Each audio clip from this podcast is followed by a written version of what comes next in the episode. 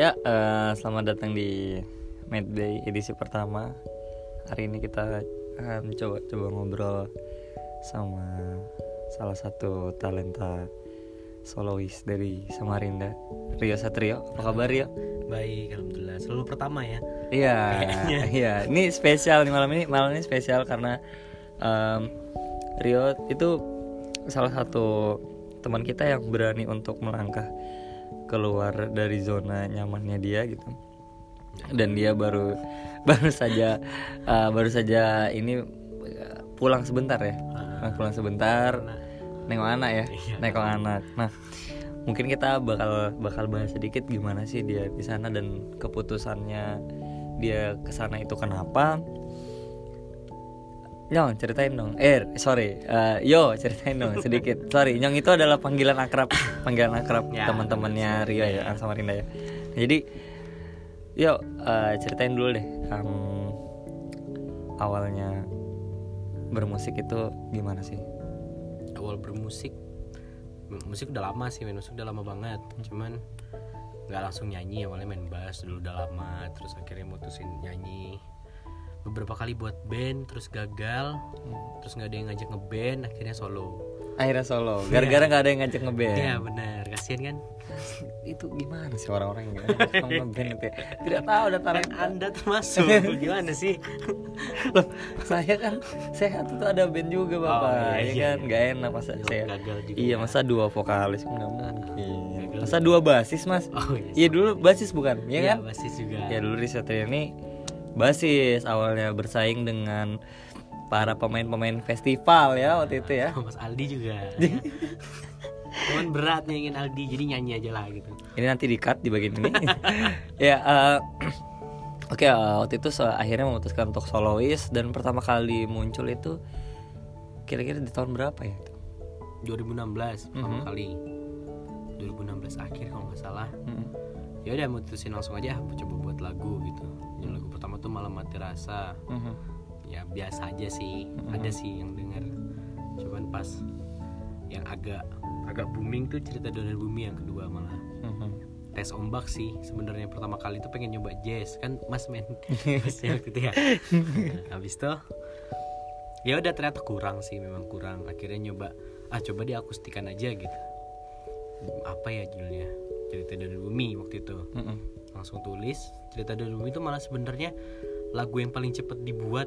Lagu yang paling cepat dibuat? Paling berapa lama? ditulis. Ditulis kalau ditulis itu cuma 5 menit kali. 5 menit? Mm-mm, sama ya sama nada-nadanya mungkin 30 menitan aja. 30 menit jadi. Mhm. dan ya nggak nyangka ternyata malah itu yang banyak se berubah ya, gitu ya. se ya awalnya emang ya waktu itu Rio Satria benar-benar yang yang apa ya? Yang paling banyak uh, digemari waktu itu lagu itu ya kebetulan Ah, ya kan? Cerita dan Iya. bum dan dan bumi itu ya. Tapi sekarang juga masih nambah sih alhamdulillah yang Masih ya? makin banyak gitu. Itu kemarin sempat dibikin klipnya bukan sih? Sempat itu bikin klipnya dua kali malah yang pertama tuh.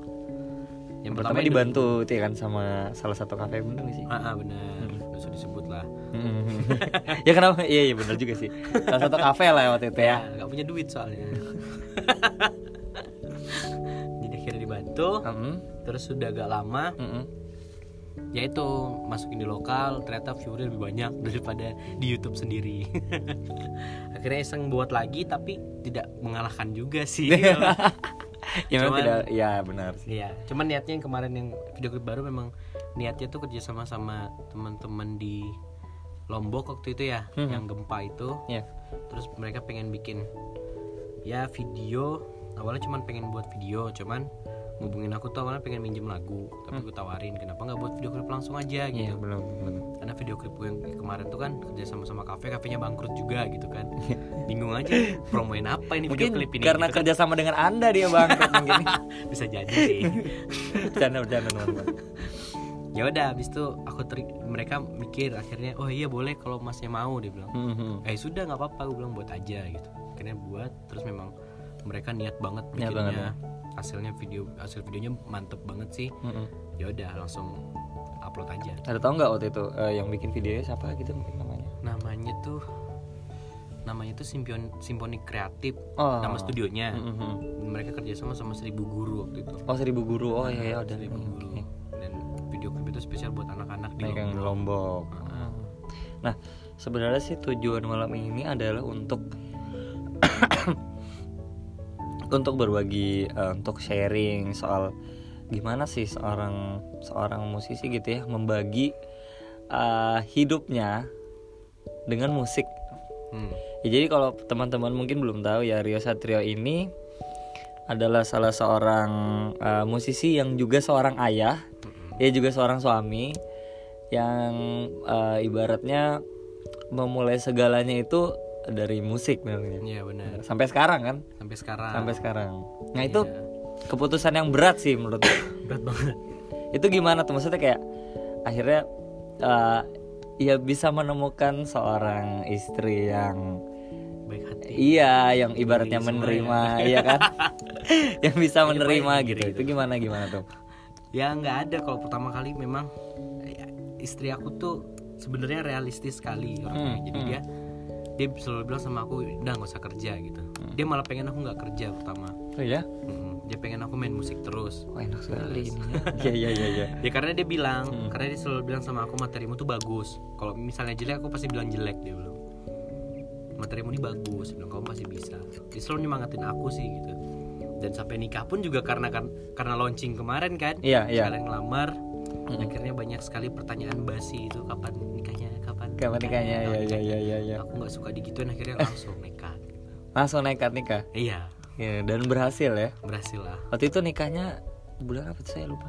Januari 2018. Januari 2018 itu memang benar-benar be- kaget sih. Waktu dia ngelamar pun sebenarnya beberapa beberapa teman itu kaget. Dan akhirnya itu menjadi patokan beberapa band ketika launching ini ada yang lamar lagi nggak ya itu gara-gara Rio Satrio terima kasih Sama-sama. gitu ya Mampus ya eh, itu tadi eh, yang pertama itu ternyata eh, bisa eh, musik itu ternyata bisa membawa Rio Satrio menemukan pasangan yang mendukung dia di Iya. musik juga gitu ya benar orang tua gimana Orang tua dukung, orang tua Dukung banget ya? dukung sih. Ha. Ngomong banget ya. Saya berhenti kuliah aja didukung. Berhenti kuliah didukung demi musik ini Ya karena ya ibu ibu ibu sih yang selalu ini kalau Mm-mm. kalau bapak tuh masih kadang masih orangnya masih kolot gitu Mm, mm, kayak mm, kerjaan mm. Kantor Wajar lah orang masih tua beda. ya kan wajar ya. kan Mm, karena mm. khawatir kalau aku mikirnya ya wajar sih mereka khawatir gitu kalau ibuku tuh malah ya dia percaya rezeki itu pasti ada aja dari mana pun gitu. Mm, mm, selama kita mau usaha Iya benar benar ya dia dia selalu bilang kalau misalnya kita jualan apa pun tuh ya awalnya pasti susah udah gitu aja jadi usaha aja. Bahkan waktu sampai eh, ketika launching pun ibu ikut terlibat ya? Ikut terlibat malah bantu di rumah. Bantu buat launching itu. Sama waktu sampai akhirnya Rio Satrio menikah saya masih lihat eh, ibu sih yang yang bikinin bantu bikin makanan cari-cari bahan bener ya. Nah em, sejauh ini apa sih yang ibaratnya eh, membuat Rio itu segetol itu di di musik gitu ibaratnya Kan bisa pasti apa-apa. ya, ya mungkin pasti kan ada tuh eh, titik terendahnya Rio Satrio yang mungkin berpikir kalau ah kayaknya stop aja deh sering sering banget Sering banget ya? sampai sekarang pun masih kayak gitu Sampai kadang. sekarang ya? Nah, Hmm. karena ya apa ya tapi memang manusia sih pada dasarnya manusia tapi buat teman-teman boleh ngomong kotor nggak sih boleh boleh nggak boleh anjing. Iya. kalau bisa ya kalau misalnya kalian semua mikir main musik itu gampang goblok gitu nah, anjing gitu enak jadi PNS lah sumpah kalian ngejar nge- ngejar jadi PNS atau kerja di kantoran itu mudah banget sih Iya. menurutku Hmm. ya nggak tahu ya ini perspektif Iya, ya benar, gitu oke.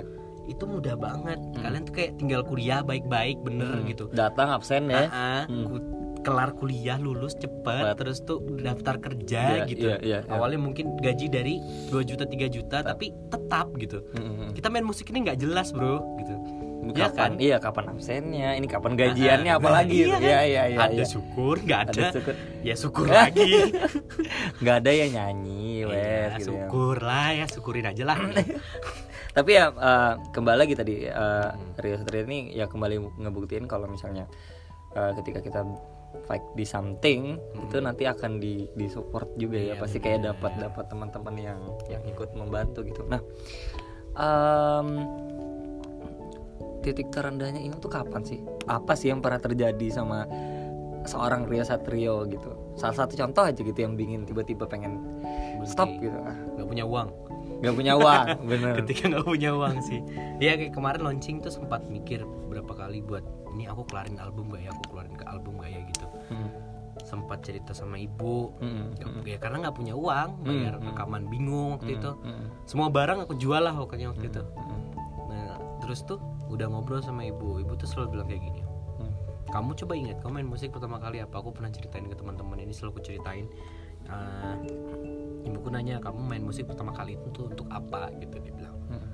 terus aku bilang aku pengen inspirasi banyak orang gitu. Lewat lagu yang aku terus aku pengen inspirasi banyak orang.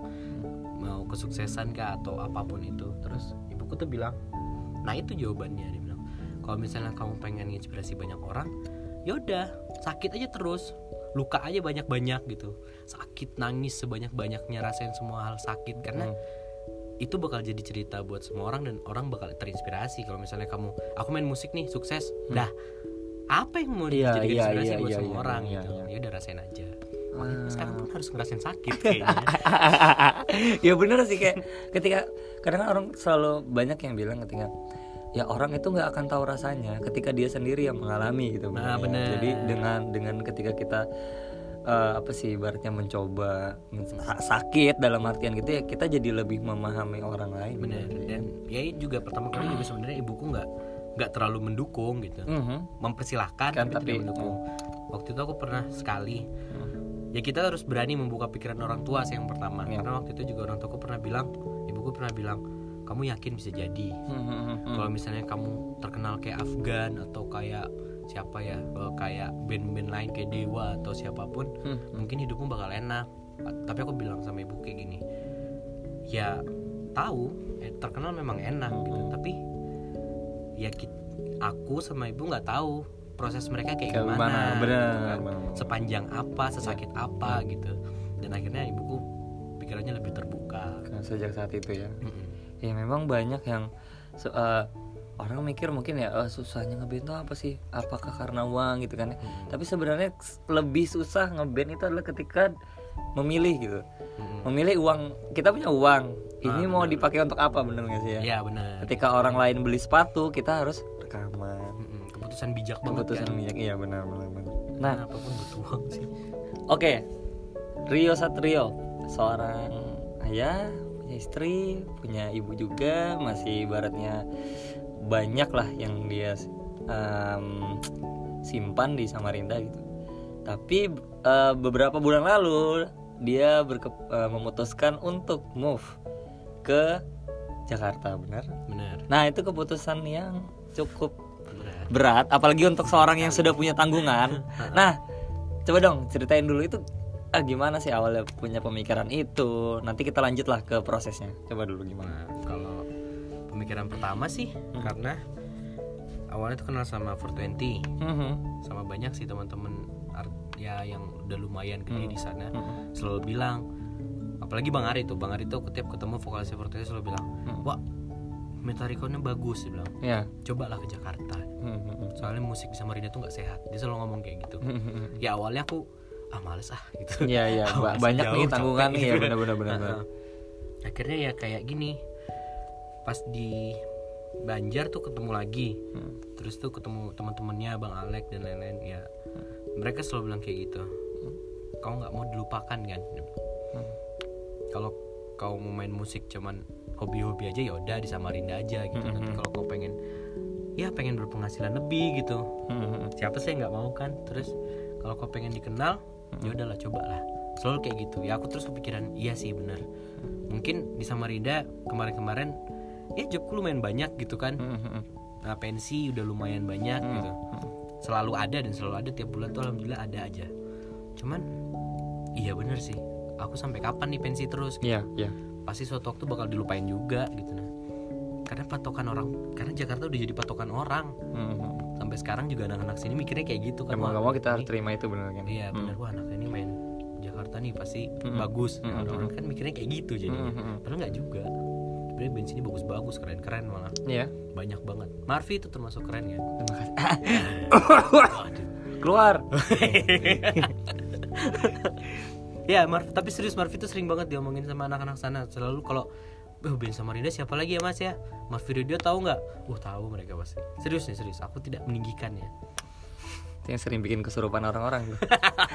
nah itu tadi eh, keputusan awalnya ya Nah. nah terus prosesnya gimana tuh ngomong ke istri ngomong ke ibu eh, gimana Dia ngomong aja.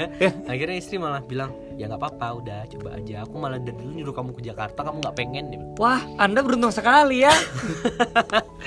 Aduh, mantap sekali memang hidup Rio Satrio ini. Dia menemukan pasangan yang sangat pas gitu ya. Aduh, ya. Azra, Azra. Iya, iya, iya. itu nama istri Anda kan? Azra. Iya. Nama anaknya? Bintang. Bintang. Itu salah satu yang dijadikan single juga kan. Nah, jadi single. Nah, akhirnya udah nih memutuskan untuk ke Jakarta, pindah lah ke Jakarta gitu kan. Hmm. Nah, itu gimana tuh? Waktu sampai pertama kali gimana tuh? Feel-nya Nggak enak. karena udah, karena di sana kemarin tinggalnya awalnya di Tangerang. Mhm. Itu karena ada keluarga, ada bude di sana kan. Mhm. Ya udah, ah deket kok dari dari Tangerang ke Jaksel. Selalu kegiatannya selalu di Jaksel. Selalu gitu ya. Apa aja? Karena musiknya rata-rata di Jaksel kan. Mhm. ya udah per hari pertama tuh Jaksel 4 jam ya Allah naik busway itu awalnya mau naik gokar kan cuman Wes. cuman lihat-lihat dompet nih ya ngecek 140 oke kita naik busway ya udah terus ngerasain macet yang 4 jam nggak ada yang enak sebenarnya di Jakarta memang tidak tidak enak untuk ditinggali kayaknya Ya, memang untuk ini ya bekerja sih sebenarnya mungkin ya. Nah, sampai di sana itu ini em, ketemu siapa sih atau apakah akan apa ada relasi di sana kah? atau akhirnya Rio Satrio ditampung oleh siapa? relasi ada memang ya teman-teman banyak lumayan banyak teman-teman yang pengen bantu kayak ya Fortwenty itu yang paling niat ngebantu sih sampai sekarang Mm-mm. Firsa Besar itu juga mereka pengen bantu gitu ya walaupun ya bantuannya memang tidak secara langsung mereka Hmm. cuman ngarahin aku kayak kamu harus ke sini kamu harus nyari relasi ini kamu harus kenalan sama ini ya ujung-ujungnya aku gerak sendiri juga Memang gitu. harus seperti itu ya. Hmm, karena mereka ya wajar sih aku mereka juga pasti pengennya lihat kita nih berjuang apa enggak, gitu kan Iya, iya, iya. akhirnya ya udah aku jalan-jalan sendiri sempat sih aku aku pernah agak kesinggung sama temen di sini karena aku main di Bandung terus ada yang ngomong kayak gini wah enak ya gandengan sama 420 wah anjing. Nah, mereka Kamu mikirnya nih wah di Bali enak ah. ya kayak kamu pikir enak? Padahal waktu itu job itu pun aku nggak dapet dari 420 aku cuman Oh, tiba-tiba gitu. dihubungin. Ah, ah, bisa nggak nih mau nggak? Gitu. Dan sorry itu CV-nya itu sangat rendah banget waktu itu sumpah. Mm-mm. ya aku mau nggak mau lah karena mereka mikir kan "Ah, kamu kan masih promo nih Iya, gitu dan ini chance buatmu gitu kan. ya. ya ya udah terima aja akhirnya tapi ada aja yang mikir kayak gitu ya Ada yang mikir kalau wah Rio udah mah Portenti nih, wah aman dong ya, kaya dong ya. iya matamu gitu. Itulah. Iya kadang kadang ya kadang kita memang nggak bisa melepaskan pemikiran primitif dari beberapa orang ya memang. iya Nah, em, apakah Rio Sa- Satrio sampai saat ini masih melakukan segalanya sendiri atau sudah ada manajer kah di sana? baru-baru ini aja baru baru-baru ini malah ada? manajer Oh iya. Iya. Siapa namanya? namanya Sera Ah, temen di sana udah dia anak Pontianak sih aslinya cuman kerja di Jakarta mm-mm. temen ya dulu temen nongkrong lah pas di Jogja Oh iya. pas sering ke Jogja dulu sering ketemu sama dia gitu Jadi sampai sekarang nih masih dia yang ngaturkan. Mm-mm. akhirnya dia Dia em, waktu di kemarin terakhir di Pontianak ya. Ya Nah, terakhir di Pontianak itu dia ikut juga tuh. tuh. enggak Enggak. Nah, Dia memang orangnya gimana sih? dia orangnya ini sih eh, kalau musik dia memang cuman suka gitu cuman dia di sana kerjanya juga berhubungan sama seni Oh. dia kerjanya di kayak apa ya dia kerjanya itu di media sekaligus io gitulah Mm-mm. namanya s- namanya tuh apa ya aduh lupa suara gembira kalau nggak salah Oke oke kayaknya pernah dengar. Ah. Iya itu io yang lumayan besar Ah, ah, Di- itu punyanya guru Soekarno Putri Ah, Oke. eh Soekarno Putra salah Gak apa-apa, gak apa-apa, boleh kok. ya itu yang garap tapi io nya dia lebih ke ini sih seni pertunjukan sama tari Oh, iya. Soalnya aku nanya ini kenapa? Karena yang aku tahu Rio Satrio itu memang cukup eh, traumatik dengan yang namanya hal eh, manajer ya. ya bener Bener gak sih? bener Ya, jadi kayak apa nih yang membuat Rio Satrio akhirnya memilih orang ini gitu loh. nggak ada Nggak ada. pikiran sih Nggak sebetulnya ada kemarin tuh cuman karena aku kenal sama manajer yang 420 waktu itu beberapa kali dia yang ngurus tapi dia bilang sama aku Mm-mm. aku nggak bisa selalu begini nih yo Mm-mm. kau harus cari manajer dia bilang Mm-mm. biar ada yang nemani paling nggak ngobrol lah ngobrol Mm-mm. pembukaan Nah, gitu karena iya, iya. kamu ini kan agak pendiam lah dia bilang kan kalau ketemu orang baru kayak gitu kan memang pendiam Waduh, iya, iya. orang baru Rio ya. Satrio introvert, guys. ya udah habis itu siapa ya gitu dia tuh selalu, dia selalu bilang nggak usah itulah nggak usah cari yang jago dia bilang atau udah berpengalaman cari aja yang temanmu Hmm. yang kamu bisa percaya aja dulu ah, dia itu ya. gitu Ah, oke ah. paling nggak bisa dipercaya dan mau belajar gitu Dan mau belajar. Mm-mm. Nah akhirnya tuh aku sama awalnya tuh masih bingung siapa ya siapa ya awalnya pengen nawarin ada gitaris sana namanya Bang Kongko tapi kayaknya sibuk banget sih orang ini kan. Akhirnya tuh waktu itu saya ngajak ketemu. Eh ketemu yuk kamu kan di Jakarta dia ngomong kayak gitu. Ayo ayo aku bilang baru kepikiran oh iya kenapa nggak anak ini aja ya? Gitu. akhirnya ketemu langsung nembak sir kamu mau jadi manajerku nggak? Oh, kirain nembak. apa-apaan Iya, ini? Iya, iya. dia aja marah. Apa-apaan ini? Baru ketemu langsung ditembak. Dia jadi tujuanmu ketemu aku ini? Dia bilang. Iya sih udah akhirnya dia mau. Dia mau. Mm. sempat mikir dia bentar. Oke akhirnya iya udah ayo. Masa mau. Wow, keren keren keren keren. Iya emang sih apa mau belajar itu memang salah satu hal yang yang memang cukup sulit untuk orang sekarang terima gitu. Mm-mm. Ya karena seorang manajernya Coldplay aja tuh kalau kalian pernah lihat filmnya ya dia emang ya dia memang bukan seorang manajer tapi dia belajar gitu iya ya. karena memang awalnya selalu begitu Selalu kan. begitu kan. cukup yang bisa dipercaya aja Nah, selama em, di lu- luar Kalimantan, waktu manggung, panggung mana yang paling nggak enak apa iya, enak nggak enak kali ya? Nggak enak dulu kali ya? nggak enak Jogja malah sorry Eh kenapa tuh Ben? ya karena yang pertama ya memang anak kuliah atau anak sekolah tuh paling susah diprediksi sih masalah ininya Mhm, mhm. selera musiknya kan Mhm. jadi yang aku nggak suka ya nggak semuanya sih penontonnya kayak gitu ada juga yang nonton aku tuh wah enak aja gitu cuman yang aku kesel tuh karena masalah ini sih kemarin eh, apa ya nggak bisa sering juga sih tuh Ah, ini eh, mereka aku main gitu apresiasi sangat kurang sih pas mereka nggak tahu lagu tuh kayak ribut Nggak kayak di Jogja biasanya ya kan? iya nggak gitu jadi biasanya tapi memang karena kampus kan memang agak berat ya Beda-beda benar. benar. kampus kan beda-beda jadi tuh kayak mereka nonton aku Mhm. foto pergian wah anjing nih sabar, Bangsat. sabar. lagu sampai lagu kelima Iya. masih ribut setan Oh iya serius? akhirnya cerita dari bumi itu baru naik lagi baru orang datang semua gitu Ah. itu sih yang nggak itu nggak nggak enak gitu Padahal dulu eh, Rio sempat sempat main di salah satu space di Jogja juga bukan sih? Mm-mm. Di mana kemarin? sudah beberapa kali sih Hmm, Di mana aja kemarin waktu Jogja? yang pastor Iya.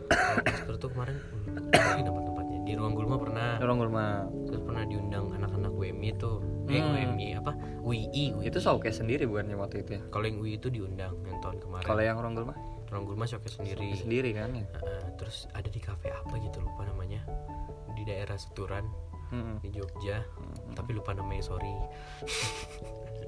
Ya ternyata memang eh, di luar Kalimantan pun ada beberapa tempat yang masanya tidak tepat gitu ya. Iya benar Sebenarnya ya, ternyata. ribet memang men- apa ngelihat masa kan agak ribet ya aku sampai Iya, sekarang juga masih masalah sih Masih itu. yang memetakan itu ya. Mm-mm. Ya memang kadang kan kita mikirnya ya pasti orang sini mikirnya ketika kita sampai di Jogja, wah semua tempat itu pasti asik pasti asik gitu Enggak ya. Ternyata enggak ya. Ini pengalaman baru sih gitu. Ternyata Iya. ada satu tempat yang yang masanya tidak tepat. apalagi kalau memang anak-anak yang ya kalau memang penyuka musik sih enak Nah, gitu kan ah, ah. karena kalau misalnya kita buat tour tuh selalu yang nonton selalu orang-orang yang suka musik gitu Mhm. tapi kalau kamu main di kampus wah kamu harus berpikir dua kali gimana caranya nih anak-anak tetap asik gitu yang pertama kadang makanya mau nggak mau cover Cover ya ya ya ya. itu. ya. ya biar naikin suasana aja Iya. Lebih sih sebenarnya. Marvi cover apa gitu misalnya Dewa lagu Dewa Armada mantap sih kayaknya.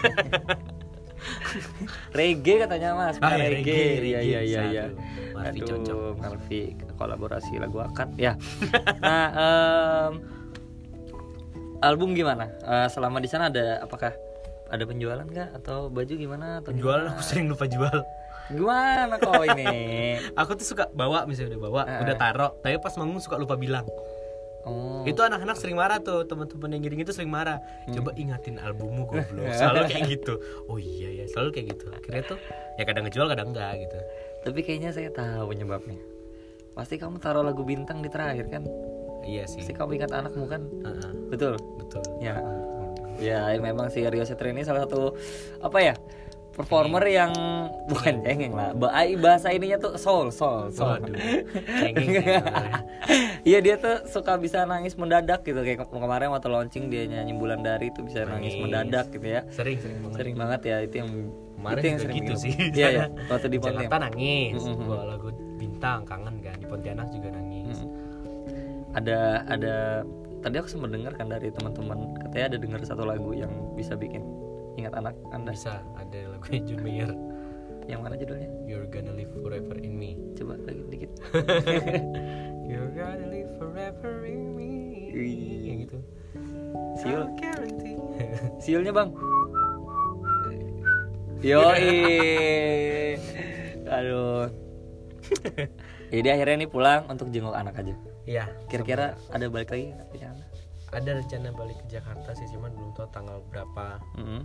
Ada satu acara lah di sana kalau jadi tapi ya. Mm-mm. Karena di Samarinda juga ada beberapa acara nih yang lagi ditawarin. Mm-mm. Semoga jadi juga. Nah ini mungkin adalah salah satu pertanyaan yang cukup sering ditanyakan sih ketika orang baru pulang ada Hmm. eh, apa nih salah satu hal yang yang di sini nggak ada di sana ada sini nggak entah ada dari orangnya keluarga. cara berperilaku ya kalau itu ya iya bang ya siapa tahu di sini em, di sini ah, anak-anaknya males di sana enggak atau misalnya terbalik ya. misalnya ah Kalau secara musik sih iya bisa dibilang anak sini agak males. kurang getol ya kurang getol. Mm-mm. Sama jeleknya anak sini nih jelek aku paling benci jeleknya anak sini tuh Mm-mm. ya itu tadi yang aku bilang wah enak ya Rio ikut tahu variety." enaknya aja enak gundulmu kau tahu lihat media sosial ini memang selalu enak, Enak, gitu. iya, tidak mungkin kita- membagikan yang gak enak iya ini kan bukan program jika aku menjadi Iya, kan? nggak ada aku nge-share makan pecel nggak enak, Nah, share itu share, ada. iya, nggak ada, nggak ada, Nggak benar, orang yang nge-share itu. Iya, benar, benar, Nge-share makan pizza hut baru di-share gitu kan. Nggak ada yang nge-share pecel lele gitu nggak ada. itu aja Ya, ada lagi nggak yang lain itu sih Ah, itu yang paling krusial ya paling sangat krusial banget. Nah, pola pikir pola, Pola pikir. pikirnya akhirnya kayak aku nggak bakal bisa gitu nah. instan Padahal iya, nggak ada yang instan gitu. Iya, iya, iya. Semuanya susah gitu. Ya kayak misalnya kayak sekarang nih anak-anak Marvin ini kan lagi lumayan nih ya, Mm-mm. sering main keluar, sering tour gitu. Mm-mm. aku tahu banget Wender zaman dulu kayak gimana gitu Mm-mm. dari beberapa tahun yang lalu gitu kan sampai sekarang Mm-mm. Wender bisa main gitar segila itu aku tahu prosesnya dia juga karena aku diam-diam merhatiin dia juga gitu nah. Oh, untung aja kamu nikah ya. Alhamdulillah kalau enggak nggak selamat Wendra ini. anjir Oke, eh, ini udah mau nyampe 30 menit ternyata nggak kerasa. Terima kasih mungkin buat teman-teman yang yang udah dengar. Nanti mungkin bakal ada sh- sharing tentang musik dan apa arti musik bagi hidup mereka dari musisi-musisi lain. Sekali lagi makasih Rio Satrio. Banyak Mas Aldi Ada pesan mungkin buat teman-teman? ya buang pikiran buruk sih Bang pikiran buruk. sekarang itu sih kalau kemarin semangat buat tetap bermusik kan sekarang buang pikiran buruk tetap jalan Ya, nice. Nice. Buang pikiran buruk by Rio Satrio. Nanti ada lagunya, teman-teman. Terima kasih. Bye. dadah